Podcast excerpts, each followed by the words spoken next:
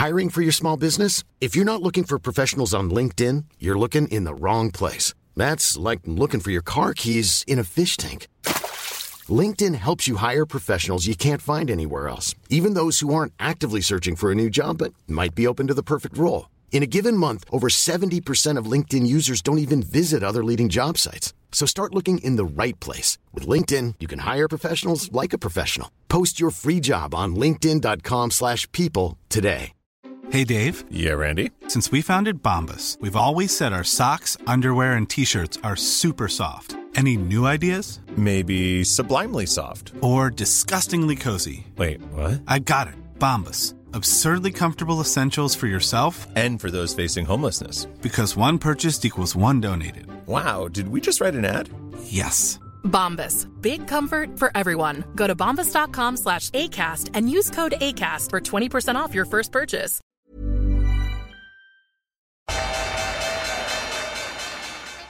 They mistook leverage for genius. Leverage for genius. I would recommend Japan.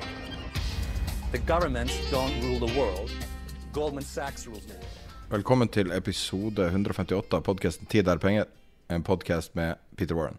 Jeg heter Sverre, er produsent. Trykker på start og stopp. alt det. I dag skal vi snakke om uh, turbulensen i markedet, selvfølgelig. Det er mye som skjer.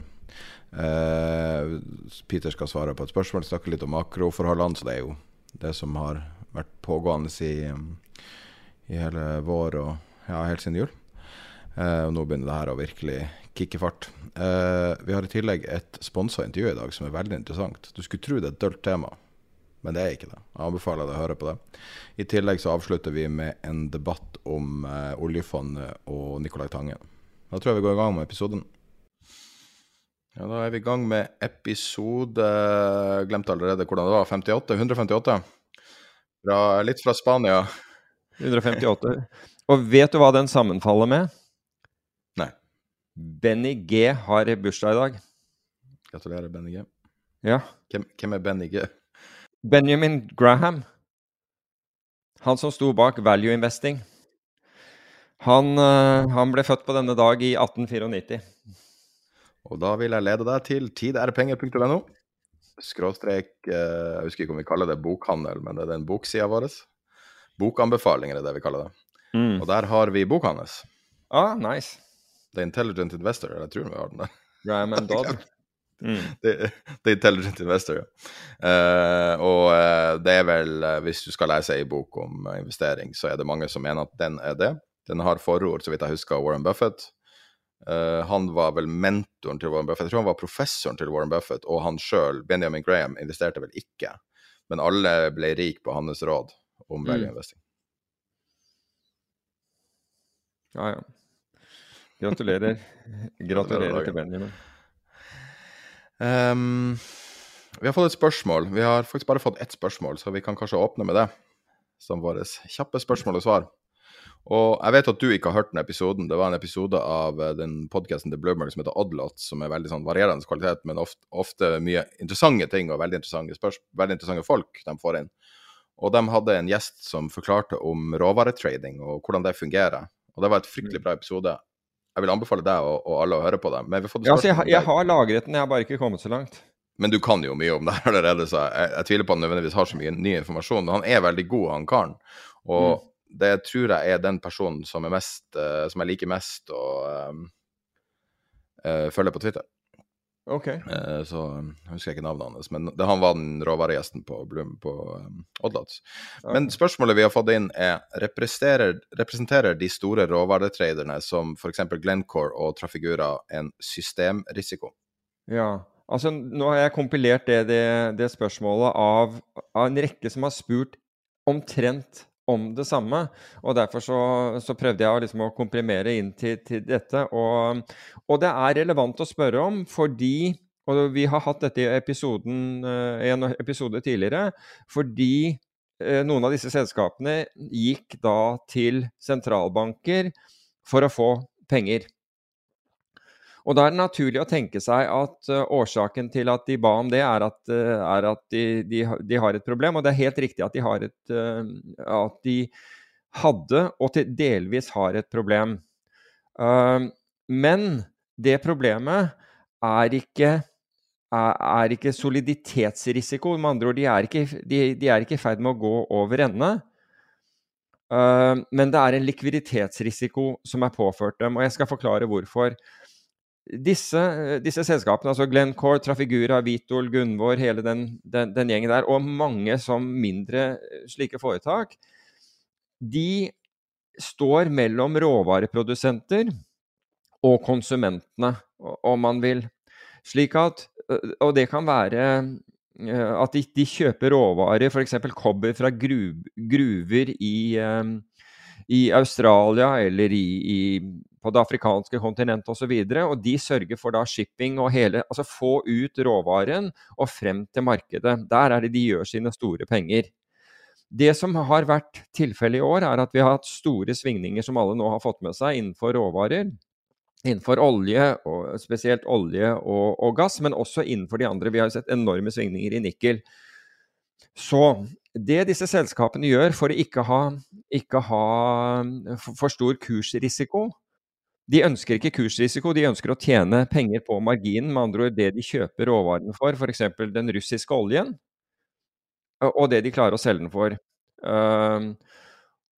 Og i mellomtiden, altså fra de, fra de, kjøper denne oljen og til, og til, de, får, til de, får, solgt den, i den, andre enden, så har de da risikoen på uh, svingninger i oljeprisen. For å kvitte seg med den risikoen, så går de til det vi kaller uh, uh, papirmarkedet, altså future-markedet, og selger tilsvarende Eh, antall fat olje, hvis det er olje vi, vi, snakker om, bare for å ta det, det som et eksempel. De selger de, da det forward i, i future-markedet. Nå er det slik at future-markedet er et regulert marked og har clearinghus. Og clearinghuset kjenner riktignok disse og vet at de hedger, men allikevel så, så må de, må de uh, stille med margin, fordi, de, fordi, den fysiske oljen er ikke hos, hos clearinghuset. Så de må da stille en sikkerhetsmargin. Så nå er de long olje, de har kjøpt fysisk olje, uansett om det er russisk olje eh, eller hva. De, de sitter på fysisk olje, da f.eks. På, på, på tankskip. Og de har solgt uh, oljen forward på, i, i future-markedet. Hvis nå oljeprisen stiger, så blir jo oljen deres mer verdt om bord i det tankskipet, men det får de ikke noe credit for, fordi den, den er ikke levert ennå, de har ikke fått oppgjør. Mens i future-markedet, hvor de har shortet future-kontrakter for, for, å bli kvitt risikoen for, for svingninger i oljeprisen, så vil marginene deres øke. Og det er akkurat det som har skjedd. De store svingningene har gjort at margin-krav, altså marginkravet deres, har gått opp vesentlig. Og i utgangspunktet så er disse, disse foretakene ganske kraftig belånt. F.eks. så kan det være at de putter opp eh, 10% eller mindre av, av, uh, av prisen på, når, når, de kjøper olje fysisk. Det resterende låner de av banker. Vanlige, vanlige banker, europeiske banker, er, er, eh, er aktive her. Ikke, ikke nødvendigvis investeringsbanker, snarere vanlige banker låner dem penger fordi de kjenner disse og vet at det er egentlig bare differansen mellom Altså det er liten markedsrisiko så lenge de hedger den. Så får de plutselig, sånn som det skjedde med, med, med gassprisene, et enormt marginkrav. Et helt enormt marginkrav. Da kan de gå tilbake igjen til bankene sine, men vi vet jo hvordan banker, vanlige banker fungerer. Du når en, altså For det første så har du en kredittgrense, og plutselig så går du langt over den. Så la oss si at du har lånt La oss si at du har lånt en milliard, og gassprisen dobler seg, som vi, vi har sett. Da er du liksom plutselig ute én milliard i, i margin-krav. Og skal, det, disse pengene må på plass fort. Så det er ikke det at soliditeten til selskapet, fordi de sitter på den fysiske varen og har, og har, har solgt den, har solgt den på, på termin, så, så de, det er ikke det er ikke soliditeten som er i fare her. Det som er i fare, er likviditeten deres, fordi de må låne opp og låne opp. Og hvis ikke de får disse lånene raskt nok, og det vil jo si at dette skal gjennom kredittkomiteer som da må utvide disse lånene, og du kan tenke deg en europeisk bank som plutselig blir bedt får beskjed om at du, vi, vi trenger en milliard dollar til. Det, det, er ikke noe som en eller annen, en eller annen eh, junior bestemmer der og da. Så det tar tid, og, dette, og hvis det tar for lang tid, så vil clearinghuset stenge posisjonen deres. Og da, da, vil de være uhedget, og det er det verste som kan skje. Og det var av den grunn man gikk til sentralbankene og spurte, fordi pga. disse store svingningene, men så ville da ikke sentralbankene, i hvert fall ikke i første omgang, stille opp. Så dette er, en, dette er ikke en, situasjon lik finanskrisen, for der var bankenes soliditet i stor tvil. Dette er likviditet det, det, det handler om.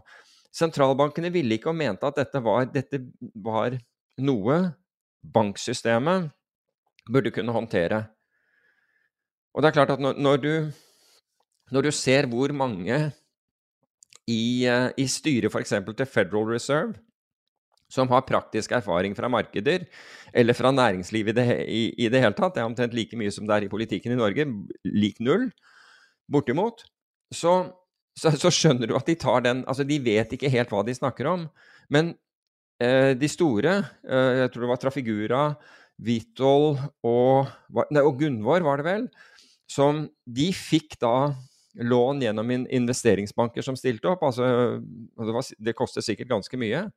Slik at de fikk, de fikk roet stemningen. Men situasjonen i dag er jo at råvarer svinger ekstremt kraftig. og det, Bare forrige uke så var jo råvarer det som svingte eh, mest. Annet falt gassprisene kraftig. Både i Europa og i, eh, i uh, Storbritannia. Og dette, dette, gjør at det er veldig krevende for disse rå, råvareselskapene. Så de, de, fyller en viktig funksjon. Og så er det de som kritiserer dem, og som sier at ja, men de har ikke alltid vært Eh, vært innenfor loven, i anførselstegn, fordi de har hjulpet Sør-Afrika under, under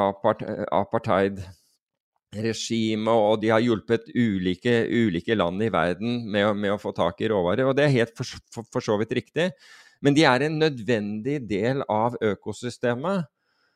Og det korte svaret, da, altså dette var en lang forklaring, men bare for å backe det opp, er at dette er et likviditetsproblem og ikke et soliditetsproblem. og Derfor så burde man adressere det annerledes enn å bare blankt liksom avvise I hvert fall i en verden som er så følsom som nå for svingninger i råvareprisene, så syns jeg ikke at sentralbankene umiddelbart burde, burde, avvise den muligheten. Skal vi snakke litt om uh, marked og makro? det er jo stort sett det som er. Kan si, vi kan starte med godt nytt, da. Uh, rett før vi uh, gikk i opptak i dag, så satt hele verden og fulgte med på TV. Putin holdt tale. Og uh, veldig beroligende flash fra Bloomberg som kom ut når han var ferdig. Putin concludes his speech without declaring mobilization or declaring war, as rumored. Ja, det, det, er, det er godt, godt, nytt. Altså, jeg hører Jeg forstår ordene, men jeg er litt usikker på, på hvor dette, dette fører hen uh, uh, uansett. Og Fridtjof Jacobsen i DN hadde en, hadde en god uh, analyse av dette, jeg tror det var lørdag eller så var det, var det, fredag, hvor han basically sa at hvis man Hvis russerne ender med å ta Luhansk og Donetsk, så ender man med at Og Mariupol, så kontrollerer de kyststripen ned til, eh, ned til Krim. Og i virkeligheten da så har de avskåret Ukraina fra Svartehavet, og samtidig truer de alle landene rundt. Altså implisitt vil det være en trussel mot alle, alle land som ikke er Nato-medlemmer eh, rundt. Så, så, så, det at man ikke har erklært full krig i dag Jeg vet ikke. Altså, det er jo helt umulig å sette seg inn i, inn i hva Putins tanker er om, om dette. Men jeg tror at failure er ikke en option for ham. Altså, du går ikke tilbake og, og, og sier at vi mislykkes i Ukraina, og så er det greit. Med den destruksjonen du har hatt til nå, og vil ha av russisk, uh, russisk økonomi. Den blir vanskelig, tror jeg, å, å, for ham å forsvare. Så altså, Vi skal alltid sette pris på, på, på, godt nytt, og den kunne ha vært eskalert ytterligere. Men, eh, men, men jeg ser ikke helt Altså, jeg, jeg, jeg, ser ikke, jeg, ser ikke, enden på dette, for å, for å si det på den måten. Og og, og jeg, ser den ikke som positiv, dessverre. Jeg skulle gjerne gjort det, og jeg har all beundring for det ukrainske folk og den, den kampen de, de, fører. Og så litt uh, dyst, mer dystre toner. Mohammed Elerien, uh, han um, var leder av Pimco. Uh, skriver i Financial Times regelmessig. og rådgiver for Alliance og Wharton-professor og alt mulig. Han, han, er overalt og er en mm. universelt ekstremt respektert person og har veldig dyp og intens markedsforståelse. Og han skrev en oppdatering på Twitter i dag som jeg syns var litt sånn poetisk. Hørtes nesten ut som en haiku. Jeg vet ikke helt hvordan haiku ser ut, men As we get closer to the US market open, the sense of anxiety is still here, and the calm calmness is dissipating in the face of across the board losses. US futures are down 1.2 to 1.7 currently. The yield on 10 year government bonds is flirting with 3.2%, and oil is down 2%. Hashtag markets. den, gikk til, den pi i. 3,14 og, og, gjennom der i, i, i dag, men altså det er, det er avkastningen gilden på amerikanske eh, tiåringen. Men hvis vi, til, hvis vi, spoler tilbake til forrige uke, så var, jo, så var det jo mye som skjedde i, i forrige uke. Altså Det begynte med det, dette flash-krasjet i, i, Stockholm, som da hvor altså den, den, vi kalte episode, Det var forrige episode som kalte 159 sekunder, fordi det var det det tok, fra, fra, fra topp til bunn. Og hvor 440 milliarder dollar forsvant på 159 sekunder. Så, ja, det kom tilbake igjen, men det forteller noe om sårbarheten, føler jeg, eh, i markedene. Og så fikk vi da renteavgjørelser i, i, i, forrige uke, altså Bank of England og, og, og Fed med sine 0,5 osv., og, og så svingte det. Og så var det, var det opp på onsdag etter Fed-møtet, og så var det ned på torsdag. Og det er fullstendig krisestemning hos, uh, hos mediene. CNBC har, kjører uh, med, med, svære bannere, og det er ikke måte på. Vet du hva nettoeffekten var på SMP 500 i forrige uke? Uten å kikke? Nei, ikke sett på. Nei, det vet jeg ikke. Den var ned 0,21 Men det er jo litt sånn le lek med tall du gjør nå, for i finanskrisa så kunne du jo si det også på enkelte dager. Jo, men det er jo volatiliteten som dreper. dager. Hele uken, hele uken med alle disse nyhetene og alt det som skjedde, så falt SMP 500 netto 0,21% men, mens du i virkeligheten skulle tro at den hadde vært ned et eller annet sted mellom 15 og 20, sånn, sånn, sånn, som, sånn som mediene eh, tok av. Jo, men det er jo også litt, hvis du ser på chartet, da. Det dippa jo for akkurat ei uke siden. Hvis du drar det tilbake 30 dager, så ser du jo Jo, jo, jo men vi er ned på året og hele greien, men dette var den mest dramatiske uken vi har hatt. Vet du hva den grafen ser ut som noen som viser fingeren? det, er, det ser ut som Gud som viser fingeren til oss. ja. Vet du hva som gjorde det best i forrige uke for øvrig? Kull. Kullprisen var opp 20 jeg hørte en interessant eh, kommentar om ESG og alt, som jeg aldri har hørt før, eh, for et par dager siden. Og det var en, en, kar som hadde sin egen analyse. og Han sa eh, For vi har jo opplevd nå effekten av eh, sol, eh, sol, vind, eh, mindre gassfokus, og basically alt som er grønn energi, skal ta over for denne veldig effektive karbontunge energien. Og da sa han at han mente at å gjøre det byttet på den måten var feil, men at vi var ganske nært å gjøre det byttet. Så vi burde heller brenne mest mulig av vår skitne energi nå for å løse, med mål om å løse problemet ordentlig. Og det syns jeg egentlig var en ganske smart kommentar. For det går ikke an å bare bytte på, på, over natta. Men nå er alle med på at nå skal man endre alt, og det er en sånn uh, miljøbølge som uh, flommer over hele verden. Og jeg føler meg sjøl at jeg personlig har drastisk endra mening om hvor viktig eh, miljø er for mm. ja, det du gjør i hverdagen, og det vil du jo høre senere i denne episoden. Men um, jeg syns det var en ganske interessant kommentar. Bare, altså, vi kan ikke fokusere på forurensninga i dag. Vi må Uh, bruke det vi har av energi nå, når vi fortsatt på en måte kan gjøre store endringer, og så med et klart og tydelig fokus på at vi skal bygge framtida. Men framtida krever likevel energi. Det gjør det. Det er, ingen tvil. Og, og, du kan si at alt det vi gjør og alle de, de, tiltakene vi tar, de er jo miniskule i forhold til at man fortsetter å brenne eh, kull østover. Altså fra Russland og, og, og, østover.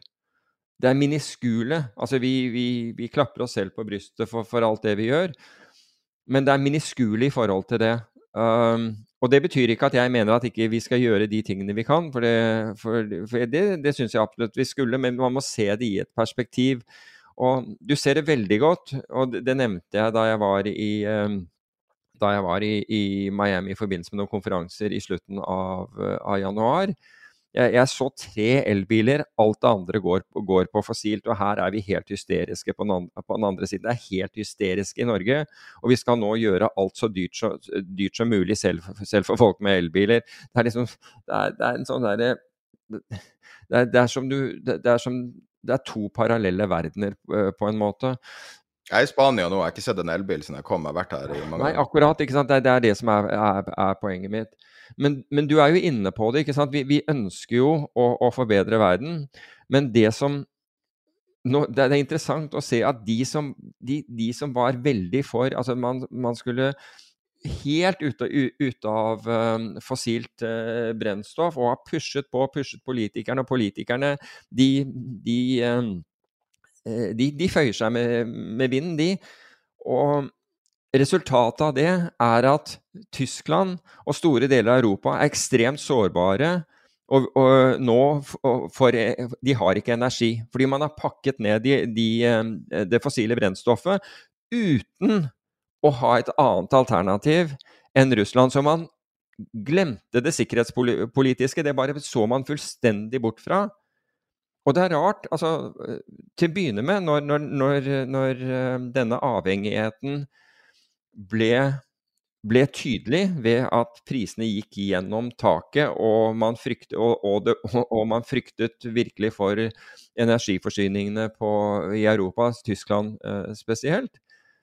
Da hørte du ingenting fra disse miljøvernene. Da, da bare dukket de i hodene. Det var ingen var, de, de, var ikke på overflaten engang. Nå har det gått noen måneder, nå, nå dukker man opp. Og det, det er det, det, er ingenting i diskursen på at Og vi, der tok vi feil, og kanskje vi burde gjort det på en annen måte. Nei, de bare fortsetter kjøret. Jeg tror ikke miljøsaken er en nisjesak lenger. Jeg tror det er den mest mainstreame saken som er nå. Jeg tror, sånn man, jeg, jeg tror, du har rett i det. MDG har gjort rollen sin. De var helt fantastiske. Altså, applaus, full applaus. Men tingen er at det er alle sin sak nå. Og det så du jo i valget, det var jo en ting i valget, det at miljøet var alle sin sak. Så plutselig var det, trengte du ikke sånn sett et nisjeparti, for alle var like opptatt av det. Men problemet hvis du er 29 eller, eller 25 eller 17 år, for den saks skyld, så forstår du jo åpenbart ikke kompleksitetene av verden. Det sier seg jo sjøl. Mm. Og det at å ja, OK, det at vi skrur av gassanlegg eller skrur av alle kullanleggene samtidig, og Eh, bare, bare skrur av. Vi må ut av oljen i dag fordi at det er så farlig fordi at vi har sett det på YouTube. Og, og, det er mm. farlig, og det er et enormt problem. Betviler det ikke et sekund. Men problemet er at det er jo også realpolitikk, ikke sant. Ja, ja det, er, det, er, blitt absolutt real, eh, realpolitikk. Og, og, vi står fortsatt med den utfordringen at vi må ha alternative uh, kilder til Altså at vi, vi, må finne alternative kilder til, til energi når vi nå, uh, når, når vi nå faser ut, ut, det fossile. Og hvis vi ikke har det, så, så, må man sørge for at det er nok fossilt brennstoff til at planeten går rundt. Men, men hvis, hvis, du, altså hvis, du, tar Frankrike, da, uh, som, som, vi har snakket om før. Frankrikes energiforsyning kommer 70% fra, fra, fra kjernekraft. Og pga. det så kunne, kunne, Frankrike bare sette, strøm, sette et lokk på prisen på strøm og, et lokk på prisen på gass i forhold til, i, i forhold til franskmenn. Så franske eh, innbyggere og, og, næringslivet fikk beskjed at strømprisen ikke, altså går ikke over det. altså De bare satte strømprisen omtrent lik i fjoråret, og, og gassprisen det samme. Slik at næringslivet og alt fungerte. Og dessverre er det slik at det er liksom det at av og til så Altså, du finner ikke det er ikke, det er ikke en beste løsning, men du kan si at kjernekraft i øyeblikket er en, er en bedre løsning enn, enn å brenne kull, etter min oppfatning. Men jeg det er sikkert de som mener klin det motsatte. Men et eller annet sted må energien komme fra, for vi kan ikke bare skru av energien. Så, så, så enkelt er det, og det, det ser du nå. Altså, forrige uke, hva, hva er det som igjen Altså, vi hadde, Jeg sa at SMP svingte, svingte utrolig lite, men hvis vi ser Gassprisen faller med 10 i, i forrige uke, men olje, oljeselskapene stiger 10% Karbonfangstselskapene, altså de som, de, eller de som kjøper ikke karbonfangst, men de som kjøper eh, investerer i karbonsertifikater, opp 10 Um, så, og det var blant de, de, store bevegelsene altså på ukentlig basis forrige uke, ved siden av DWAC, altså et uh, selskap til Trump falt, eh, falt eh, 10% Så um, Men du snakket om bakteppet. Altså at, at SMP faller 0,21 Jeg, jeg syns det er et paradoks i, i, i en uke hvor, folk, hvor medier og alle syns å være i en eller annen panikk når det gjelder, gjelder markeder. Jo, men du må også huske hvorfor det bare falt så mye. Det er jo en veldig spesifikk grunn. Og det er jo den fingeren i SMP-grafen, den langfingeren til, til alle som ser på grafen. Og det er jo at Powell gjorde noe som Hvis vi hadde diskutert noe strategisk med podkasten, og jeg hadde foreslått det Powell gjorde, så ville du ha sagt hvorfor begrense mulighetene? Hva er, hva er på grunnen til det? Hva kan man holde ting åpent? Så man vet ikke hva framtida bringer. Mens Powell, som har den viktigste jobben på jorda, sier 0,75 er, off the table. Vi skal ikke heve med, med 75 basispunkter. Ja, hva hvis han må gå tilbake på det? Da hadde vi tolv timer rally. Det var det han fikk for den kommentaren. Men altså, hvis du, hvis du skal se på dette på årsbasis, da, så har du den største rentehevingen på 24 år. Du har den dårligste start på et børsår noensinne når det gjelder SMP 500. Bare Er for å det ta det? den. Wow. Ja. Og det er største fall, fall i obligasjonskursene, altså statsobligasjonskursene, noensinne. Og i, i og med dette, altså det, dette, er jo, dette er jo ikke som om det ikke var varslet. Det er ikke som om det ikke var varslet at den amerikanske stat ville trekke tilbake støtten til markedene. Det ble godt kommunisert over en lang periode. Og det er da jeg tenker at i og med at dette her er så godt kommunisert, men allikevel kommer så overraskende som, som det synes å gjøre, så, så lurer jeg på om finansmarkedene, altså ekspertene i finansmarkedene, rett og slett ikke tror på Charles Darwin. For Darwin sa helt klart at det var ikke den sterkeste, raskeste osv., men det var den som hadde evnen, evnen til tilpasning. Hva er, fått, hva er det vi har fått beskjed om å ikke gjøre de siste, lø, disse siste ti årene? Det er tilpasning. Porteføljene skulle være akkurat de samme hele tiden. Du skulle enten ha 50-50, 60-40 eller 70-30. Det var hva porteføljer skulle bestå av. De skulle bestå av aksjer og obligasjoner. Kun. Det var kun et fåtall som fikk anledning til å investere i andre typer strategier, sånn som private equity, hedgefond, den, den type ting. Mens de aller, aller fleste ble da var det kun det. Og det skjer mens verden forandrer seg. Og det man egentlig sier da, er at, det er ikke, at vi, vi har ikke noe tro på tilpasning. Vi trenger ikke å tilpasse passe oss til de nye forutsetningene. Og de nye forutsetningene kom ikke som julekvelden på kjerringa. Det var ikke en sånn plutselig så dalte dette i hodet på oss. Tvert imot, det ble kommunisert. Kan jeg få lov å komme med to statistikker som underbygger akkurat det du sier? Gjerne. uh, den ene er to tall. Så vi har fått litt innsyn i hvordan det går med de her diverse megafondene. Citadel, eh, et fond som veldig mange hater, jeg mener feilaktig pga. det som skjedde for et år siden i uh, De har flere fond for øvrig, bare så du vet det. Ja, eh, det her er de fire fondene jeg ser på. Så eh, eh, fondet som heter Wellington, er Mm. opp 12,6% Technical Trading 9,7% Global Fixed Income 13,1% og Citadel Equities opp 7,7 Samtidig som det skjer, så er AQR har knalltall. Uh, det blir delt um, Jeg vet ikke hvor offentlig de er, men det blir delt på Twitter av en bruker. Og det er opp, uh, forskjellige fond er opp 15,8, 15,8, ned 1,7, opp 21,7, opp 13,1, opp 27% 27,4 og 24,58. Og så på den andre sida så har du de her folkene som trodde de hadde funnet opp kruttet for to år siden. Eh, det starta for to år siden, men det ble kjent for ett år siden ca. Som var de her eh, det man kalte memestocks. Unge tradere, 17, 18, 19, 20 år. Uh, hente informasjon på Twitter og, Reddit. Og Morgan Stanley har gjort en analyse av deres retail trading, starter med januar 2020. Og de er i null nå, som, som en portefølje. Mm. Mens i samme tida så er Altså, de, de har måte brukt denne basketen med memestocks kombinert med mange ting, og brukt mange datakilder. Og så har de SMP uh, Det står SMP 500 TR, jeg vet ikke hva de refererer Total til. Return. Total return. Mm. Uh, er opp 30 i samme mm. periode. Og, og, det de mener da, er at nå har uh, den på en måte memestock-traden er tilbake til null. Så det var uh, much ado about nothing, hvis ja. du sitter inne der fortsatt. Det, det tror jeg er helt, helt riktig.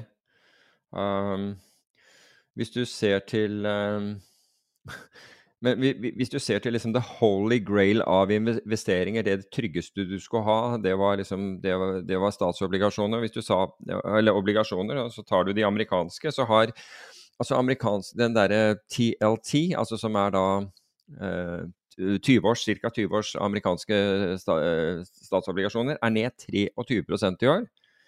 Investment grade-obligasjoner, altså de, de obligasjonene i de mest solide Eh, av amerikanske selskaper er ned 16,5, og high yield er ned 11 Altså Det er litt forbausende at high yield er, er bare ned 11% men, uh, men det, kan, det, kan, raskt Hvis man ser på det chartet av um, amerikansk high yield, så, så, blir du litt engstelig, for å, si, for, for, for å, si, det forsiktig. Og det har også ledet den, denne nedgangen. Det var high yield-selskapene. Helt likt med 2008, så ledet de nedgangen de fortalte at noe var galt. Aksjer fortsatte å stige. Og husk på at high yield-obligasjoner de er bedre prioritert enn aksjer i en bedrifts kapitalstruktur. Så du kan si at når det sikrere delen av et selskaps eh, kapitalstruktur begynner å falle, men den mest usikre delen, nemlig aksjer, fortsetter å stige, da bør man jo egentlig sette seg opp i stolen, men det vi er vant til, det er at det er bedre å lukke øynene, og så går det sikkert greit. Men eh, så, så, så, det er betydelig, men det er, det er forbausende hvor statisk Altså til tross for at verden er dynamisk, til tross for Darwins ord, som på en måte er grunnlaget for at menneskeheten er her, nemlig den evnen vi har til tilpasning, så har finansmarkedene, aktørene, fortalt oss at det skal vi ikke gjøre. Tilpasning, det, det er Shell, det. Det er, det er, noen andre. Det skal ikke vi drive med. Vi skal bare kjøre akkurat det vi har gjort. Vi skal se i speilet, vi, når, når vi investerer. Og, og, det har vært mye historie som har vært skapt de siste par-tre årene. Det har vært mye historiske hendelser, både finans og, og politikk og, og, alt, egentlig. Og globalt, global uh, helse, helseproblemer og hele pakka. Men det er mange historiske ting som skjer akkurat nå, som jeg tror på en måte kanskje går litt, litt forbi. Eh, har vært, vi er vant til så store ord. Men det er to, eh, to forskjellige igjen Twitter-meldinger som jeg syns summerer det opp veldig fint. da.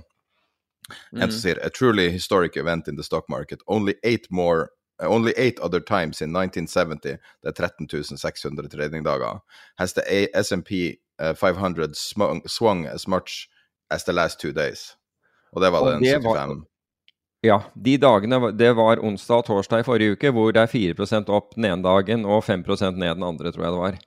Ja, og det er mer kuriosa. altså Det er jo fordi at vi har veldig tynne markeder, veldig, veldig lite reell etterspørsel. Og... Det er fordi, ja, nettopp fordi det er akkurat de tingene vi har snakket om. Altså hvor lite markedene fungerer. altså hvor, Og dette om skyggepriser, at, at prisene ikke er reelle. altså Med andre ord at de kjøpekursene du ser, altså du, nedover i ordreboken, de forsvinner. De bare flytter seg ned etter hvert som uh, markedet, uh, markedet, faller.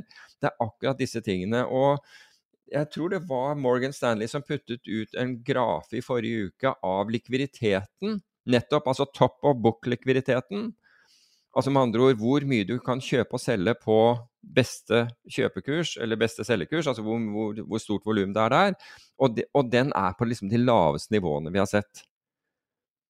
Og det til tross Igjen, altså igjen så ser du at, at selve finansindustrien, den, den fortsetter å se i speilet. Den ser ikke fremover, ønsker ikke tilpassing. Um, så det er, det er, liksom som Nå var det Formel 1 fra Miami i helgen, og, det, og, og heldigvis så regnet det ikke, men det er som å fortsette å kjøre med slikkdekk når, når, uh, når det begynner å regne. Da, det er krevende, for å si det på den måten. Så, men, men, det har jo også med Det må jeg også si, fordi de har jo diskutert dette frem og tilbake med eh, eh indeksinvesteringer. Altså med andre ord at du har indeksfond kontra. Og det ser du at flere og flere flyttet jo pengene sine fra for type indeksfond til fond som historisk høyere, hadde gitt høyere avkastning, nemlig fond som hadde vekst. Altså som, som hadde vekstmandater. De investerte i vekstselskaper. Og det, på en måte, det gærneste med det var, var, jo, var, jo, ARK. Men det var ikke mange nordmenn som gikk der. Men det er en del nordmenn som investerte i det, faktisk. Men, men de fleste som sparer til pensjon, gjorde jo ikke det. Men det var mange som flyttet pengene sine inn i vekstselskaper. Og det gjorde de jo selvfølgelig etter mange år med oppgang innenfor vekst, som kunne forklares av at sentralbankene bidro med så mye penger at de egentlig fjernet risikoen.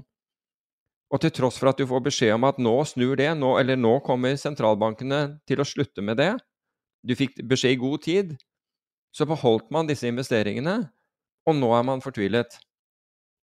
Jeg skjønner at man er, er, er fortvilet, men bare et lite stykke Darwin, nemlig å tenke tilpasning, kunne ha, kunne ha bedret dette, dette betydelig. Ark er tilbake til sommeren 2018-nivå. Så ja. igjen, much ado about nothing. De pengene er borte vekk. Det var mye støy, og bitcoin skulle til 100 millioner, eller hva de sa for noe. Og det var alt skal vokse inn i himmelen til evig tid, og på grunn av ditt og dødt og alt mulig. Jeg vet ikke. Uh, jeg syns Jeg klandrer ikke Ark et sekund for det de har gjort. Ikke jeg heller. Ikke de har vært, spilt med totalt åpen bok. Så, åpen bok som er uvanlig åpen bok. De har visst daglige trader, alt sammen. Mm. Mm. Men jeg tror ikke på dem. det er forskjellen. Jeg tror at det er fortsatt utrolig vanskelig å tjene 100 kroner hvis du er en person. Uansett. Gå ut og prøv å generere 100 kroner nå. Det er ikke lett. Med mindre du har eh, jobba lenge med noe, du har en naturlig fordel osv. Du kan selvfølgelig rane noen, men utover det, så, og selv det er sikkert vanskelig. Jeg vet ikke mm. hvordan man skal gå fram engang. Men å tjene penger er vanskelig. Og eh, de har alltid snakka om ting som om det her er liksom sånn en triviell sak å doble verdien av et selskap. Mm. Og eh, selvfølgelig er det fint å være optimist, men på et eller annet tidspunkt så må jo uh, naturens lover slå inn. Ja, det har jo gjort det. Og så multiplene i, uh, i, i forhold til eh, frem, fremtidig uh, kursfortjeneste, altså forward uh, PE, i USA har jo, har jo, komprimert seg noe. Det har vel komprimert seg fra ca. 23,5-gangeren til, til 20-gangeren eller et eller annet sånt. Så du har, sett, du har sett noe kompresjon der, men ikke voldsomt. Men det som er det store spørsmålet nå bare, Før vi går videre, bare, det var to, to, ting jeg hadde En annen sak som er mer eller mindre den skumleste tweeten jeg har lest på, ja, på så lenge jeg kan huske. There have been two days in the past 25 years when the SMP 500 futures were down 3% and 10 year treasury futures down 1% Det var 9. oktober 2008, 18. mars 2020. Mm. Det sier alt du trenger å vite om markedet. Når det som skal hedge det andre i alle markeder, faller samtidig som det andre faller, så er det, da er det noe galt. For da, og det han, han som la det her ut, mener noen blir tvangssolgt ut. Folk blir solgt ut fordi de må selge. Marginkrav, ja. Uh, tapp og, og, Men det, det, rare var jo at det var vanskelig å se nøyaktig hva det var bakomforliggende som førte til det her. Altså akkurat de her eh, liksom, timene før det han regna på, så var det vanskelig å skjønne hvorfor akkurat det tidspunktet skulle føre til tvangssalg. Men man vet jo ikke hva folk har. Folk kan jo ha de rareste porteføljene. Det kan jo være for alt du vet Dogecoin som står på andre sida og, og, og, tvinger fram et salg, eller Folk har jo så mye idiotiske ting de eier. Altså jeg, jeg, tror at Ja, jeg tror bl.a. at den store bevegelsen vi har hatt igjen altså den er også, Og det, det, nevnte vi vel for to podkaster siden. Den er en så stor bevegelse i valuta. Det, det, det lukter tvangssalg av det òg. At noen har virkelig fått det der, det der feil. Så jeg tror, du, jeg tror du har helt rett. Så jeg, jeg tror at, at, det er mange steder. Og så blir det jo når du, har, når du da ser eh, amerikanske tiåringen begynne å bevege seg med volatiliteten til en aksje, da det er klart at da det, er, det må nok bekymre den amerikanske eh, sentralbank også. Og, altså Én ting er retningen, men de er ikke interessert i disorderly markets, de heller. Dette er jo tross alt den, den, altså for den amerikanske stat en enorm funding vehicle, altså nemlig det å kunne utstede statsobligasjoner. Og det mer volatile de er, uh, det, det, det, færre vil være, være interessert i å, å kjøpe. Og, så, og, på toppen av altså Du nevnte dette at både dette med, med tiåringens fall og aksjemarkedenes fall. Tenk deg nå de som har volatilitetsjusterte porteføljer som ikke tok hensyn til at, at uh, renten på statsobligasjoner var så lav at den ikke kunne hedge dem lenger, men da hadde f.eks. 2x og 3x statsobligasjoner for å, for å få samme volatilitet som de hadde i aksjer det, det, er jo liksom den, den Bridgewater-porteføljen. Jeg sier ikke at Bridgewater har gjort dette her nå, at ikke de, at ikke de så Jeg har ikke sett Bridgewater-resultater. Er det all-weather-porteføljen? Ja, all-weather-porteføljen gjorde jo akkurat dette belånte, belånte, obligasjoner for at de skal få den samme effekten som, som, aksjer. Altså med andre ord, De belånte dem slik at volatiliteten som obligasjonen hadde, tilsvarte volatiliteten som aksjer hadde. Og Det er en lur sak å gjøre når du har en høy rente. Uh, og, og, du kan vise til, uh, til ikke-korrelasjon mellom disse. Så, så, it makes sense. Men i den situasjonen man hadde hvor, hvor statsobligasjoner kunne ikke, altså knapt kunne stige mer, rett og slett pga. Ve veldig lav rente, så satt du jo da med Altså hvis man ikke justerte det ned belåningen på det tidspunktet Tenk deg hvis du har tre ganger belånt eh, statsobligasjoner, eller to ganger, da. For amerikansk, altså Hvis du er 20-åringen i USA, så har, så har, du da nesten tapt 50% Det er betydelig. Altså 50 på, på årets første måneder. Da har, du, da har du et reelt problem. Det skulle ikke forundre meg om det er den type ting vi ser nå, for, for du ser den pågående selgingen som har vært i, uh, i, i tiåringen. Tiåringen har, har, du sett kraftigere selging på i det siste enn, enn du har sett i, i, i 30-åringen. Og det skulle ikke forundre meg om at det er altså uh, Rett og slett people being puked out, som det, som, som det heter. Altså, de, klarer ikke, de kaster opp til slutt og, og bare må bare dempe risikoen og komme seg ut.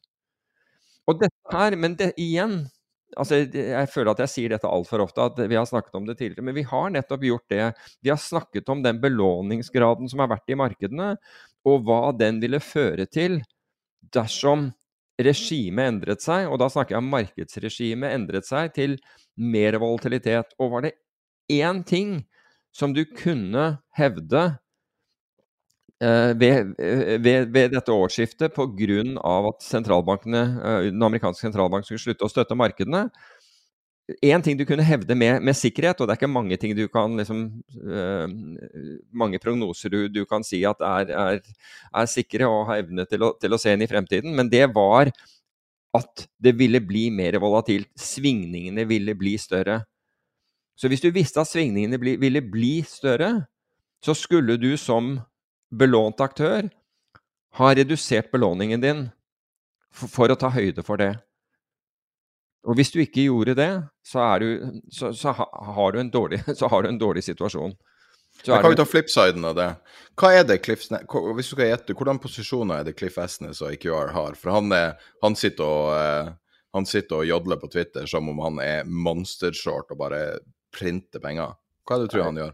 Nei, altså du kan si Jeg ser at dette absolute return-fondet deres er opp ca. 30% i år. Men jeg, jeg, vet ikke helt hva det består av. fordi AQR har jo vært uh, har, jo vært, uh, har jo vært mest kjent for å drive faktorfond. Og den eneste eller Det har vært flere faktorer. For det første at du demper, demper ned uh, vekst og, og, går til verdi, altså mer solide aksjer. Makes sense. Men hvis, hvis, altså siden de tjener penger på dette, så må det jo være momentum som er en faktor som er blitt, blitt tillagt. For det var ikke den opprinnelige Fama French-modellen, men, men, så la man hva, Car, Carhartt, var det det han het? Han, karen fra Goldman som kom opp med den. Men i hvert fall uh, Momentum kan jo være det som har reddet dem. At det rett og slett at de har sett at dette snur, og, og, så, har man, og så har man shortet. Eller at man f.eks. har kjøpt halerisiko. Det kan også være en, en, faktor her. Men noe har helt klart, uh, har, har, helt klart gitt dem. Men problemet med AQR, eller ikke problemet, men AQR har mange fond. Og det som F.eks. en strategi som, har, som, virket ekstremt dårlig. altså Den virket fantastisk under finanskrisen. Og i de påfølgende årene etter finanskrisen skulle alle inn i trendfølgende fond. Det vi kaller CTA, Commodity Trading Advisors. Sverige har et, uh, minst ett, uh, men de har i hvert fall et stort et i, i, um, i Sverige som en del av, av uh, Brummer porteføljen. Men David Harding og Winton og Aspect og det er liksom fullt av disse. De fikk problemer, og da, da vi fikk kvantitative lettelser Du så at de klarte ikke å og litt, litt, overraskende på, på, en måte, fordi i og med at du hadde obligasjonspriser som, som steg, altså obligasjonskurs som steg, aksjer eh, som steg, så tenkte du at hvert fall de burde fått med seg de trendene, men det var mange andre trender de ikke fikk, slik at det ble aldri noe penger ut av det i den perioden. De, de, de slet. Men de har nå fått sin renessanse, helt klart. For det er noen av de trendfølgende fondene som er de beste fondene i øyeblikket. De har suveren avkastning i, uh, i år. Jeg bare ta, ta og sjekke hvordan uh, altså hele, hele Brummer uh, hele, hele Brummer-systemet systemet gjør det jo bra i år, men skal jeg prøve å se hva den derre Vi har sagt det flere ganger før, men vi kan gjenta det nå. I år får du betalt for å være smart. Det er ja. lenge siden sist. Ja, det er sant. Det er sant. Ja, det, jeg er enig i det. Det, det, er, det er, en helt annen uh... Og jeg føler at de der uh, meme-drevet Elon Musk-imitatørene og han uh, kommer til å Når året er omme, så frykter jeg at det kommer til å se helt for jævlig ut. For hvis du ikke har solgt deg ut enda Men det kan jo også snu, hvem vet? altså. Det er jo når det ser helt, helt absolutt mørkest ut, at det vender. 27,9% er, er Lynxopp hittil i år, ja. ser jeg nå. Og det er jo det at folk har kritisert, jeg husker jo senest for et år siden, at uh, man tok uh, en portefølje av AMC, Nokia og, uh, og andre GameStop og alt det der liksom opplegget som ble hylla som neste framtid, og det her var, det her var um, kamp over generasjoner, og det var ikke måte på hvor ikke det her skulle forandre verden, og det var store svindler og alt. Mm. Og da ble jo hedgefond satt opp mot det her. Og så å, dere skulle være så smart, hvor er jo avkastninga? Så bare ja. Uh, de fleste som holdt på med sånn type trading, var gjerne gira eller opsjoner, et eller annet. Der er, jeg vil si at majoriteten har sannsynligvis tapt alt. Og så ser du hedgefondene, hvis du ser bort fra det ene som var involvert i den GME-saken, så er det jo som klasse mm. kraftig opp, og spesielt kanskje med de her store stjernene som uh, kanskje har et global makrofokus og sånn, har virkelig fått det til nå. Og det, ja. og, og det er jo artig at det sammenfaller på sekundet når sentralbanken slutter å manipulere markedet så plutselig fungerer alle de normale modellene igjen. Og så plutselig genererer de åt, nei, sånn tidlig 90-talls uh, returns. Ja, jeg, jeg er Egentlig er vi i de beste markedene vi har vært i på lang, lang, lang, lang tid. Endelig har vi normale markeder der ikke alt blir kødda med, så det er bare falske tullepriser. Ja, men da, igjen så har det vært så behagelig, og det går tilbake til det der at vi har, liksom, vi har investert eh, ved, ved, å se i speilet. Men kan jeg spørre deg om en ting? Eh, vi, vi skal gå over, vi har et sponsa intervju i dag som er veldig artig. Mm. Uh, men jeg avrunder avrunde kanskje med å spørre deg om Vi har, bruker å referere av og til til en finansblogger som er en trader i Jeg tror han er i Chicago, det er ingen som vet hvem han er, men han kaller seg The Fly. Han er steingal, og man må være forsiktig med å høre på han. Men han har utrolig gode tradinginstinkter. Så hvis du vil skal følge én bare for å på en måte få en liksom fil når, når ting koker på sekunder og, og minutter, så han er en fin en. Han skriver, um, han skriver blogger, og han hadde en, en fin en nå, jeg tror det var på torsdagen. Og da sier han We're not oversold. Market collapse, collapses in historic session from hell. Og det han slår fast, er at du må ikke tro at det her skal eh, tilbake til Altså bare fordi at noe har falt 80% så betyr ikke det at det skal tilbake til de gamle toppene. Det betyr at uten sentralbanken som kunstig inflanterer alt, så er det selskapet kanskje bare verdt en tyvendedel av det det var før, reelt sett. Mm. På grunn av cost of capital, sant. Ja. Så man må, man må, være forsiktig med å se på grafer over de siste årene. Du har jo selvfølgelig den covid-spiken som ødelegger alle grafer. Veldig vanskelig å analysere grafer pga. akkurat den. Men bare vit at Gå tilbake og se på hva som skjedde i 2000 og etterpå. Det var en lang vinter etter det. Altså, ja. altså, jeg tenker jo altså Jeg har ikke noe problem med det han sier om, om oversold, og spesielt når jeg ser uh, SMP ned 0,21 på, på en uke hvor, hvor, hvor, det er, hvor, det er, rett og slett hysteri, nærmest hysteri i enkelte medier over, uh, over det som foregår, de svingningene som, uh, som er. Um, men jeg tenker jo samtidig at hvis man er en, er en investor, dette har vi sagt før, at liksom ligge unna nyheter, eh, sukker og kaffe, så har du det veldig mye bedre. Fordi du blir skremt i hjel av og til av, av, av, av å lese overskrifter. Og, og, og, og, det henleder deg til, til sannsynligvis til, til, å ta ikke-rasjonelle beslutninger. Rasjonelle beslutninger det er, det er alltid et marked for, for å si det på den måten. Men jeg tror at vi har snakka kanskje nok om marked og, makro nå. Mm. Det, det, kan jo bli litt tungt. Så jeg tenkte vi kunne snakke litt om eh, noe litt mer framtidsretta. Så eh, i går kveld gjennomførte jeg et sponsa intervju med administrerende direktør i Miljø Norge, også kalt CEO i Miljø Norge, Nils Auli.